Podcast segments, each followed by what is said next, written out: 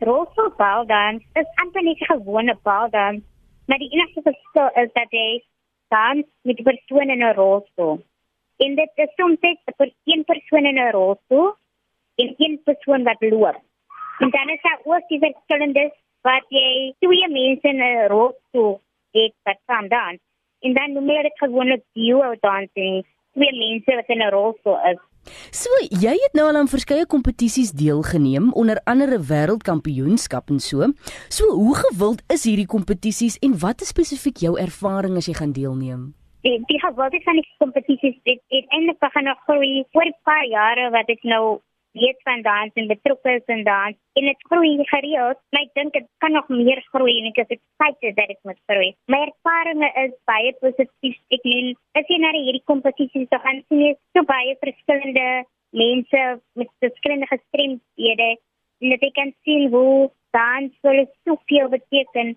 Ek meen as iemand wat gestremd is eintlik kan besef dat hulle liggaam net soveel beteken as iemand wat so sê normaal is, wat ewe normaal eintlik is, regtig. Mm. Maar jy weet jy jy jouself werk Jy kan sien dit baie meer en jy kan sien hoe mense klink hulle skitter en nou hulle so goed omtrent te self ek meen enige persoon wat dit wil dans, hoe en dit lekker is hulle dans. Met die goeie tye is daar altyd ook uitdagings wat daarmee gepaard gaan. So wat is van die uitdagings wat jy as persoon in 'n rolstoel ervaar en selfs vir jou dansmaat partykeer?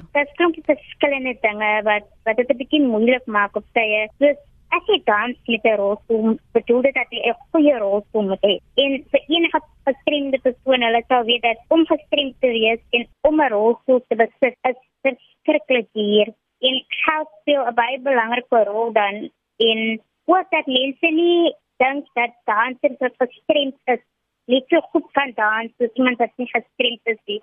En ek dink soms dansers miskien beter, jy weet, maar dit is nie dat mense dit recognize en sien dat dansers wat in 'n rolstoel is nie so goed is En dit is een van die challenges en dan is er altijd, dus kan een mens bij enige competitie deelnemen. Dan sê mens altyd, not accessible. En dit is een beetje van die challenges wat is gestremde space. En ook mense wat nie gestremd is, wat net gestremd is, waar ze met hulle, om een partnership te wees met iemand, en dan dat julle saam dinge deel, en dan is het ook een beetje van die negatief wat ons saam ervaar as 'n partnership. Christel, ek gaan jou net vra om gou ons bietjie te vertel van jou gestremdheid en dan waar jy ook dan ander gou kan motiveer wat ook graag ietsie soos dans dalk wil aanpak, maar bietjie te bang is om dit te doen. My gestremdheid is dat ek het osteogenesis imperfecta.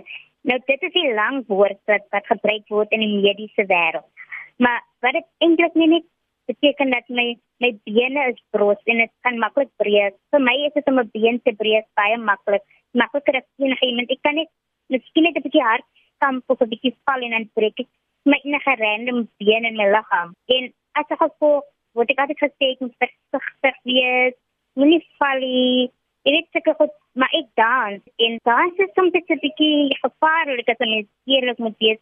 En ek min maar ek dit kan doen. Hoekom kan enige iemand anders dit doen nie? En ek dink soms net dat dit moet nie beperkings op jou pad sit voordat jy iets probeer het nie. Want ek dink baie mense, nie net gestremde mense nie, voel altyd dat dit te moeilik vir hulle. Hulle is onskop hulle sal dit kan doen nie. Maar eintlik moet jy net jouself 'n kans gee en glo in jouself genoeg dat jy enige iets enige obstakel kan oorkom en dat that they can't. you can't do whatever you set your mind to.